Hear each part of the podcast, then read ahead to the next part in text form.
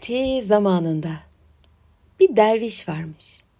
Kalbi aşkla dolu, şükürle dolu ve ayakları çok kuvvetli. Sürekli gezermiş. Gezdiği her yerde de Allah'a şükredermiş. Bu derviş bir gün yolunu kaybetmiş. Günlerce aç kalmış. Ama şükründen vazgeçmiş mi? Asla. Peki aşkından vazgeçmiş mi? Asla. Yiyecek bir şeyler arayarak yürüdüğü eski bir yolda başka bir yolcu tarafından yolun kenarına atılmış boş bir meyve sepeti görmüş. Derviş bir hazine bulmuşçasına kaldırmış başının üstüne sepeti ve omzunun üstünde sallamaya başlamış. Yüksek sesle de dua etmiş. Allah'ım bu aç adama boş bir meyve sepeti verdiğin için kalbi aşkla dolu bu adam yine sana şükürde. Şükürler olsun Tanrı. Sonra sepet omzunda yürümeye devam etmiş. Biraz daha yürümüş. Kırılmış, eski bir yaya denk gelmiş bu kez derviş. Yaya bakmış uzun uzun. Sonra almış onu yerden. Gökyüzüne doğru sallayarak Ey Allah'ım kalbi aşkla dolu, karnı aç olan bu dervişe bu mükemmel hediyeyi verdiğin için sana şükürler olsun demiş. Çevredeki kuşlar cik cik diye bağırışarak onunla dalga geçmişler. Öyle ya, kırık bir yay için neden şükrediyor ki diye.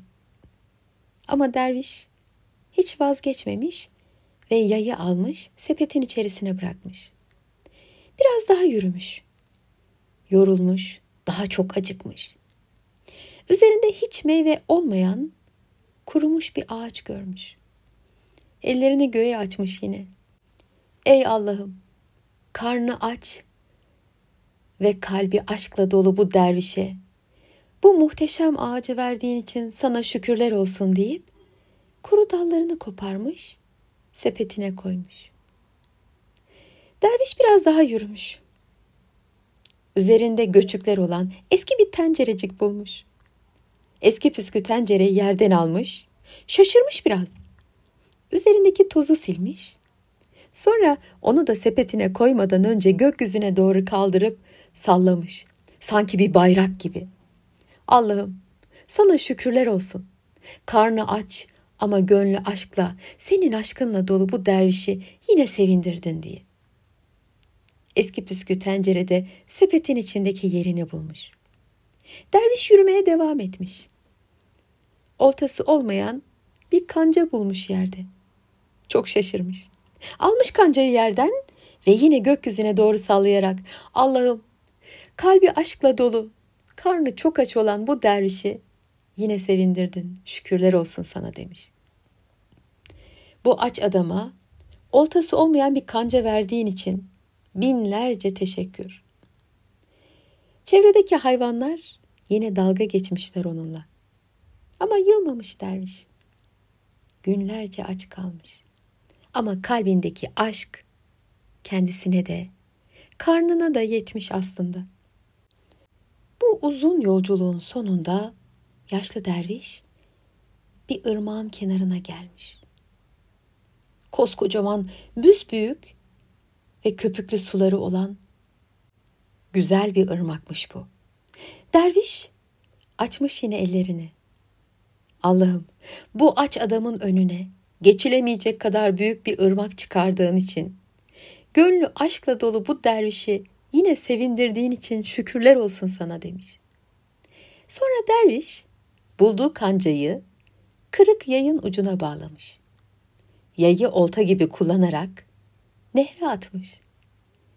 O nehirdeki oltaya büsbüyük bir balık takılmış. Balığı sabırla, şükürle kıyıya doğru çekmiş.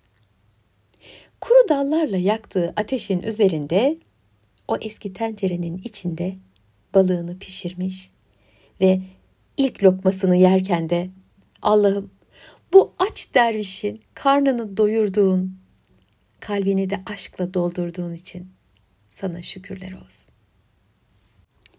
Şükürler bazen şansa çeker. Bazen de şans şükrü getirir. Artık hangisine kaderinizde rastlarsanız dileğim odur ki her şey gönlünüzdeki gibi olsun. Aç karnınız doysun, kalbiniz aşkla tamamlansın. Gökten üç elma düşmüş. Biri yazana, diğeri anlatana. E diğeri de siz değerli dinleyicilerin olsun.